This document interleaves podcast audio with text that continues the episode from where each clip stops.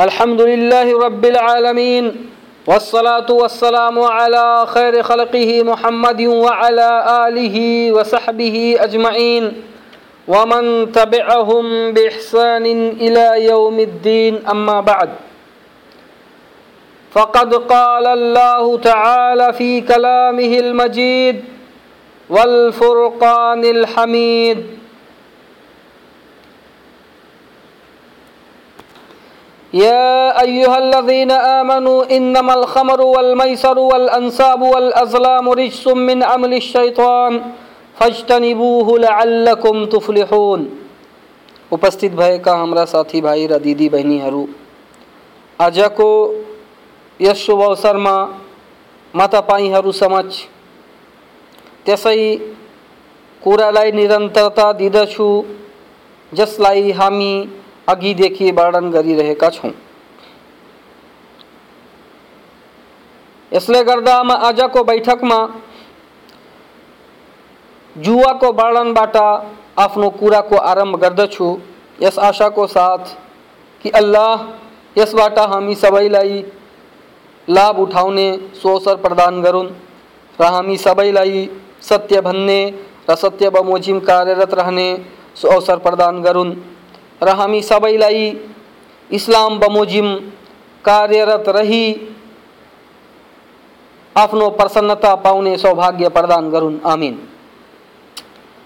अल्लाह तबारक व तआलाले भन्नुभएको छ, या आमनु, हे आस्थावानहरू, इन्नमल खमरु वल मैसरु वल अंसाबु वल अजलामु रिज्सुम मिन अमल शैतान, कि मदिरा जुआ बलिस्थान र सगुल पासा यी अपवित्र र शैतानी कुराहरू मध्येका हुन्। फस्टनिबुहु लअल्लकुम तुफ्लिहुन। तसर्थ यिनीबाट टाढा रहनु ताकि मुक्ति प्राप्त गर्न सक। सूरतुल मायदा, श्लोक नंबर नब्बे। तो अनभिज्ञ काल का मानिसहरू जुवा खेल्दथे जसको प्रख्यात थरी एवं तरिका मध्ये यो हो कि दस मान्छे एउटा ऊँटमा बराबर पैसा दिएर सहभागी हुन्थे अनि गोटी हालिन्थ्यो। अनि सात मानिसहरू त्यस ऊँटबाट केही न केही लिन्थे, तर तिन मानिसहरू केही पाउँदैनथे। अर्थात् तिनको पैसा डुबिहाल्थ्यो। तर वर्तमानमा जुवाका अनेकौँ थरीहरू छ र यसलाई विभिन्न तरिकाले खेलिन्छ, जसमध्ये केही निम्न हुन्। जसरी तीमध्ये एउटा यो पनि हो कि अङ्कहरू बिक्री गरिन्छ, सबै त्यसलाई किन्दछन् अनि समस्त मान्छेहरूले किनेको नम्बरमध्ये केहीको नम्बरलाई एलान गरिन्छ कि यो यो नम्बर भएको मान्छेहरू जित्नुमा सफल भएका छन्। र यसलाई हामी चिट्ठा भन्दछौँ, त यो हराम छ यद्यपि यसलाई जुन पनि नाम दिइयोस्। र यस्तै कुनै सामान खरिद गरिन्छ जसभित्र कुनै अज्ञात वस्तु वा सामान किन्दा एउटा नम्बर दिइन्छ अनि ती नम्बरहरूलाई एउटा भाडा आदिमा राखेर नम्बरहरूको चयन गरिन्छ। अनि जसको नम्बर निस्क्यो, त्यसलाई उपहार दिइन्छ आदि। र वर्तमान कालमा यसको जुवाको सर्वप्रसिद्ध तरिका हो गाड़ी गाडीको इन्सुरेन्स गराउनु, अर्थात् बिमा गराउनु, यस्तै घरको बिमा गराउनु बिमा गराउनु आदि र केही अनभिज्ञ मान्छेहरू त आफ्नो आवाजसम्मको पनि बिमा गराउँछन्, तर यी समस्त गतिविधिहरू हराम छन् यसर्थ वर्तमानमा जति पनि यसका थरीहरू प्रचलित छन्, सबै हराम छन् जसरी बेलोड टेनिस, जस टेनिस र घोडदौडद्वारा जुवा खेल्नु, क्रिकेटद्वारा जुवा जुवा खेल्नु, जसलाई सट्टेबाजी भनिन्छ, तासद्वारा जुवा खेल्नु। त यस्तै जति पनि थरी, यस संसारमा प्रचलित छन् जसमध्ये केहीलाई हामी जान्दछौँ केहीलाई हामीलाई थाहै छैन। ती समस्त इस्लाममा हराम छन्। यसले गर्दा मेरो तपाईँहरूसित अनुरोध छ कि समस्त प्रकारका जुवाहरूबाट टाढा बस्नुहोस् र अल्लाहसित प्रार्थना छ कि अल्लाह हामी सबै मुसलमानहरूलाई यस्तो घृणित अपराधबाट बचाउन्। आमिन। र यस्तै ती अवैधानिक कार्यहरूमध्ये जसलाई अधिकांश मानिसहरू ग्रहणीय ठानेका छन्, चोरी पनि हो। अल्लाहको फरमान छ, वस्सारिकु वस्सारिकतु फक्तौ ऐदियहुमा कसबा नकालम मिनल्लाह, वल्लाहु अजीजुल हकीम। अर्थात जसले चोरी गर्दछ चाहे त्यो पुरुष होस् अथवा स्त्री तिनीहरूको हात काटिहाल। यो तिनीहरूको कर्मको सजाय र अल्लाहबाट एउटा पाठ हो, र अल्लाह अधिपत्यशाली र तत्वदर्शी छ। सुरतुल माइदा, श्लोक नम्बर अडतिस। र यस्तै चोरी मध्ये सबैभन्दा घृणित चोरी हाजीहरूको सामानको चोरी हो। जुन अल्लाहको पुरातन घरको जियारतको लागि आएका छन्। त यस्ता खालका अल्लाह को सीमा र दण्डलाई यस्तो पावन स्थलमा पनि वास्ता गर्दैनन्। जबकि यो दण्ड अर्थात् हात काट्नुको दण्ड तिनीहरूको यस्तो जघन्य अपराधको तुलनामा केही पनि होइन र रसुल सल्लल्लाहु अलैहि वसल्लमले सूर्य ग्रहण लागेको अवसरमा भन्नुभयो जसको अर्थ हो मलाई नर्क को आगो को दर्शन गराइयो। त मलाई यस्तो प्रतीत भयो, मानो त्यस आगोको ताप मसम्म पुगिहाल्नेछ। जसबाट म भयभीत भएँ र यसै कारण म तिमीहरूसम्म अलि विलम्बले पुगेँ र मैले नर्कमा त्यस मान्छेलाई हेरेँ, जुन आफ्नो लट्ठीको सहायताले हाजीहरूको सामान चोर्थ्यो। कि त्यसका आँधराहरू नर्कको आगोमा घिसरिरहेका छन्। र त्यो मान्छे चोरी यसरी गर्थ्यो कि जब त्यो आफ्नो लट्ठीको सहायताले हाजीको सामानलाई चोराउँथ्यो त यदि हाजी सचेत भइहाल्थ्यो त त्यससित भन्थ्यो कि लट्ठीमा संलग्न भएर तिम्रो सामान आएको हो। र यदि हाजी सचेत हुँदैन थियो, भने त्यसको सामान लट्ठीको सहायताले त्यसमा झुन्ड्याई चोरेर लैजान्थ्यो यस हदिसलाई मुस्लिमले वर्णन गर्नुभएको छ हदिस नम्बर नौ सौ चार। र यस्तै सर्वोत्कृष्ट चोरीहरूमध्ये सार्वजनिक मालको चोरी पनि हो। तर केही मानिसहरू भन्छन् कि सबै यस सार्वजनिक मालबाट चोर्दछन्। यसर्थ मैले पनि तिनीहरू झै झैँ चोरे। तर यसलाई यो थाहा छैन। कि त्यो समस्त मुसलमानहरूको माल हो। त्यो समस्त मुसलमान को माल मुसलमानहरूको माललाई चोरेको हो। र जुन मानिसहरू अल्लाहसित डर मान्दैनन्, तिनका कर्महरू प्रमाण होइनन् कि उनीहरूको अनुसरण गरियोस्। र कतिपय मानिसहरू काफिर नास्तिकहरूको माल चोरेर भन्छन् कि यिनी त काफिर हुन्, तर यो पनि सही छैन। किनकि जुन काफिरहरूको माल हनन गर्नु जायज़ छ, ती मात्र त्यो काफिर हुन्, जुन मुसलमानहरूसँग युद्धरत छन्। यसर्थ यस हुकुममा ती काफिरहरूका समस्त कम्पनीहरू र अरू काफिरहरू आउँदैनन्, जुन मुसलमानसित युद्धरत छैनन्। र यस्तै चोरीका थरीहरूमध्ये गुप्त तरिकाले मान्छेको खलतीमा हात हाल्नु पनि हो र कतिपय अर्काको घरमा बिना अनुमति प्रवेश गरेर, केही सामानहरू चोरेर लैजान्छन् त कतिपय अतिथि बनेर जान्छन्, अनि त्यस घरका सरसामान चोरेर ल्याउँछन्। त कतिपय आफ्नो अतिथिको ब्यागबाट सामान चोरी हाल्दछन् त कतिपय दोकानमा जान्छन्, अनि आफ्नो खल्तीमा पत्रिका, सरसामान आदि लुकाएर दोकानबाट बाहिर निस्किहाल्छन्। त यस्ता खालका गतिविधिहरू वर्तमान कालमा सुपर मार्केटहरूमा महिलाद्वारा गरिन्छ र यो महिलाद्वारा विशेष छैन, तर महिलाहरू अधिकांश रूपले रूपले यसलाई गर्दा हेरिएका छिन्। अर्थात् उनी आफ्नो कपडा, लुगा आदिमा सरसामान लुकाएर ल्याउँछिन् र कतिपय मानिसहरू सानोतिनो सरसामानको चोरीलाई चोरी मान्दैनन् र यस्तो गर्नुलाई जायज़ बुझ्दछन्, जबकि रसुल सल्लल्लाहु अलैहि वसल्लमको फरमान छ अल्लाहु सारिकु यसरिकुल बैज़ फतुक्ता यदहु अल हदीस अर्थात अल्लाहको धिक्कार छ यस्तो मान्छेमाथि जुन अन्डा चोर्दछ अनि त्यसलाई चोर्ने कारण त्यसको हात काटिन्छ।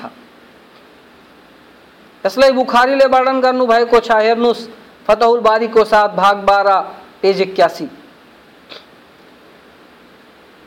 त समस्त ती मानिसहरूमाथि अनिवार्य छ, जस जसले कुनै वस्तु चोरी गरेका छन् कि त्यस चोरिएको सरसामानलाई त्यसको मालिकलाई फिर्ता गरून्। चाहे खुला रूप रूपले फर्काउन् वा गोप्य तरिकाले वा कुनै अरू तरिकाले। तर यदि त्यसको मालिकलाई नभेटोस् भने त्यसलाई वा त्यस सामान जतिको मूल्यलाई दान गरोस् र त्यसको पुण्य त्यसको असल मालिकलाई अर्पण गरोस्। र यस्तो मान्छेलाई चाहियो कि अल्लाहसित डरोस् र त्यससित तौबा गरी आफ्नो यसको कर्मको क्षमा याचना गरोस्। अल्लाहसित बिन्ती छ कि अल्लाह हामीहरूलाई यस जघन्य अपराधबाट बचाउन् र यदि हामी मध्ये कसैले चोरी गरिहालेका छन् भने उनीलाई अल्लाह त्यो चोरीको सामान त्यसको मालिकसम्म पुर्याउने, त्यसलाई फर्काउने सुअवसर प्रदान गरून्। आमिन। यस्तै ती अवैधानिक कार्यहरूमध्ये घुस, लिनु र दिनु पनि हो। हाकिम अथवा न्यायाधीशलाई त्यसलाई दबाउने अथवा हाकिम अथवा न्यायाधीशलाई सत्यलाई दबाउने अथवा असत्यलाई रोकटोक नगर्ने उद्देश्यले घुस दिनु ठुलो अपराध हो। किनकि यसद्वारा अन्य अत्याचार गरिन्छ र हक अधिकारको हनन गरिन्छ र यसैको कारण उपद्रो उदन्तताको उत्पात हुन्छ।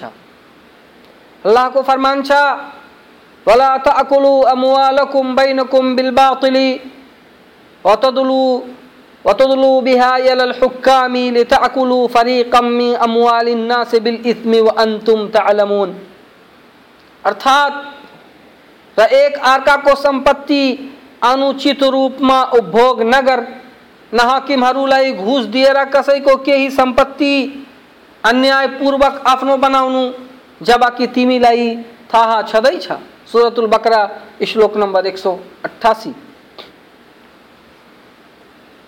अबू हुरैरा रज़ी अल्लाह अन्हो को वर्णन छ कि रसूल सल्लल्लाहु अलैहि वसल्लम को भनाई छ अल्लाहु राशि वल मुर्तशी फिल हुक्म। अर्थात घूस लेने वाला, र घूस दिने वाला दुबईमाथि अल्लाहको धिक्कार छ। यसलाई अहमदले भाग दुई, पेज तिन सौ सतासीमा वर्णन गर्नुभएको छ र यो हदिस सहीहुल जामेको हदिस नम्बर पाँच हज़ार उनात्तरमा पनि छ तर यदि हकलाई प्रमाणित गर्नुको लागि, र असत्यलाई दबाउनको लागि यदि घुस दिइन्छ, अर्थात् बिना पैसा दिइकिन सत्य सत्य साबित हुँदैन भने सत्यलाई साबित गर्नुको लागि दिइएको पैसा घुसमा सामेल हुँदैन। न त यस्तो गर्नेवाला मान्छे धिकृत नै हुन्छ। र वर्तमान युगमा घुसखोरी यति समान कुरा भइहालेको छ कि प्रत्येक क्षेत्रमा विभिन्न नामले प्रचलित भइसकेको छ। र पदमा बसेको, बसेका मानिसहरू यसको भरपूर लाभ लिइरहेको छन्। बरु प्रत्येक कम्पनीहरूमा यसको एउटा भिन्न फाँट नै हुन्छ र कुनै पनि कार्य बिना घुस न त स्वीकृत हुन्छ, न त सम्पन्न हुन्छ। र यस घुसफातको मारले गरिबहरू निकै कष्ट भोगिरहेका छन्। र यसले अधिकांश गलत कामलाई बढावा र उन्नति दिएको छ। र यसैको कारण नै कार्यवाहक मान्छेहरूमाथि उनीहरूका मजदुरहरूलाई खराब गरिन्छ। र यो यसरी कि जुन घुस दिँदैन, त्यसलाई राम्रो सुविधा मिल्दैन, बरु त्यसलाई अति न्यूनतम दर्जाको मजदुर मिल्छ। आदि।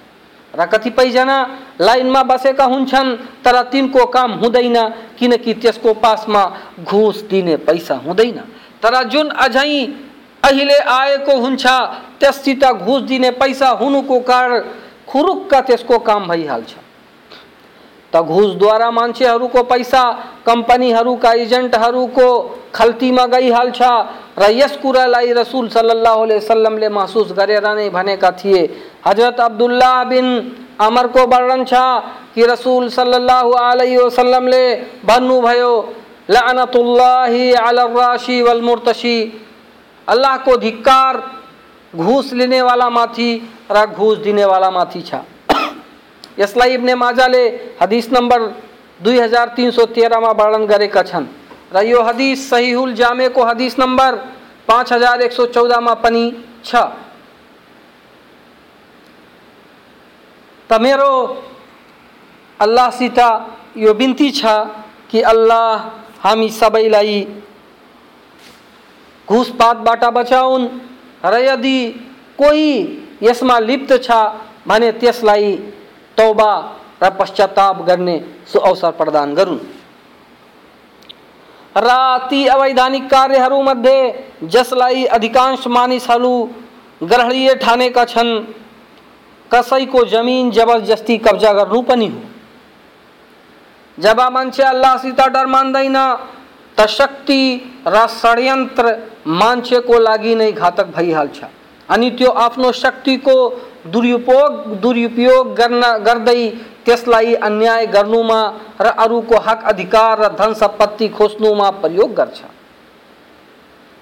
र यसैमध्ये कसैको जमिनमाथि बलपूर्वक कब्जा पनि हो, अर्थात् बलपूर्वक कब्जा गरिहाल्नु पनि हो र यसको दण्ड पनि कठोर छ।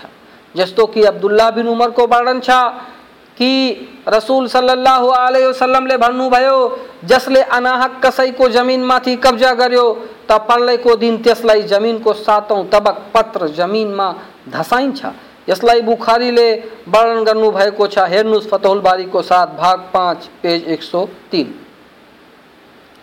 र अला बिन मुर्रा रज़ी अल्लाह अनहोको वर्णन छ कि रसूल सल्लल्लाहु अलैहि वसल्लमले भन्नुभयो जुन व्यक्तिले पनि एक बित्ता जमिन पनि जबरजस्ती कब्जा गर्यो भने अल्लाह त्यसलाई मरणोपरान्त सातौँ पत्र धरतीलाई खोज्न आदेश गर्छन् अनि प्रलयको दिन त्यसलाई सातौँ जमिनलाई हार झैँ लगाइदिन्छ यहाँसम्म कि सबै बिच फैसला गरियोस् तबरानीले यस हदिसलाई आफ्नो कबीरको भाग बाइस पेज दुई सौ सत्तरमा वर्णन गरेका छन्।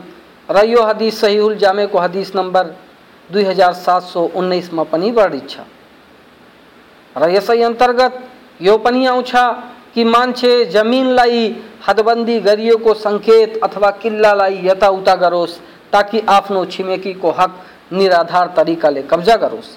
र यस्तै यसैमा खेतको वरिपरि भएको मेललाई को बारे पनि रसूल र यसैको बारेमा रसुल सल्लाह वसलमले भन्नुभएको छ लन अल्लाह मन गैर मनार अर्थ अर्थात्, त्यस मान्छेमाथि अल्लाहको धिक्कार होस्, जुन जमिनका सङ्केतको लागि लगाइएका चिन्हहरूलाई यताउता गरोस् यस हदिसलाई मुस्लिमले वर्णन गर्नुभएको छ। हेर्नुहोस् नौवीको व्याख्याको साथ, भाग तेह्र पेज एक सौ एकतालिस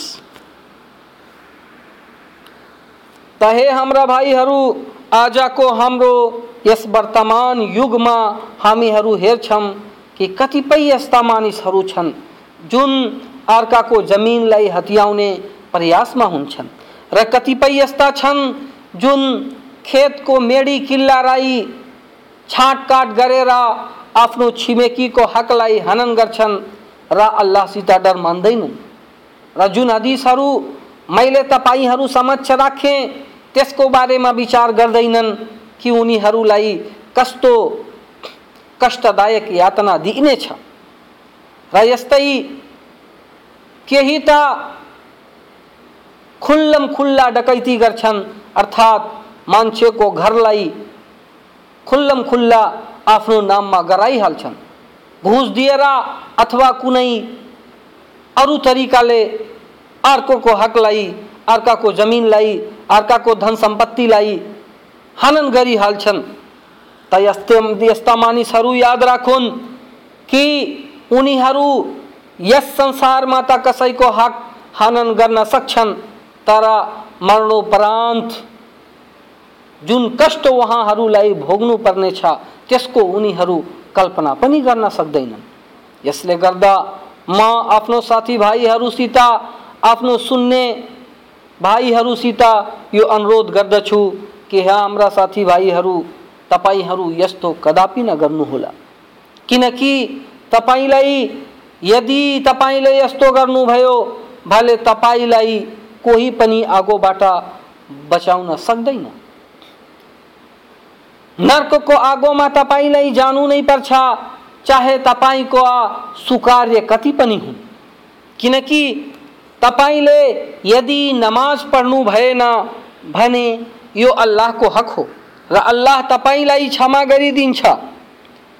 तर यदि तपाईँले कसै भक्तको हक हनन गर्नुभयो भने यो क्षमा छैन। किनकि यसलाई अल्लाह क्षमा गर्दैन। यसलाई क्षमा गर्ने हक र अधिकार मात्र त्यस मान्छेलाई छ जसको हक तपाईँले हनन गर्नुभएको छ। यसले गर्दा यदि तपाईँले कसैको हक हनन गर्नुभएको छ भने त्यसलाई फिर्ता गरिहाल्नुहोस्। यदि तपाईँले कसैको खेतमा अलिकति पनि कब्जा गर्नुभएको छ वा कसैको मेडीलाई भएको छ भने तुरुन्तै त्यसलाई त्यसबाट अवगत गराउनुहोस् र त्यसबाट क्षमा याचना गर्नुहोस् र त्यसलाई त्यसको हक पुर्याइदिनुहोस्। आजको यस बैठकमा म आज यति नै वर्णन गर्दछु र यतिमा नै म आफ्नो कुरा टुङ्ग्याउँछु। अल्लाहसित यस बिन्तीको साथ कि अल्लाह हामी सबैलाई यस्ता विशुद्ध र कुराहरूबाट बचाउन् र हामीहरूलाई समस्त अवैधानिक कार्यहरूलाई बचाएर कुरान र हदिसको प्रकाशमा आफ्ना जीवन व्यतीत गर्ने सुअवसर प्रदान गरून् र हामी सबैलाई आफ्नो प्रसन्नताबाट सौभाग्यवान गरी हामी सबैलाई स्वर्ग प्रदान गरून्। आमीन। अकुल कौली हादा वस्तफ़िरुल्लाह वलकुम वलसाइरिल फ़स्तफ़िर हुवल गफ़ूरुर रहीम। वालकम वरहमतुल्लाहि वबरकातुहू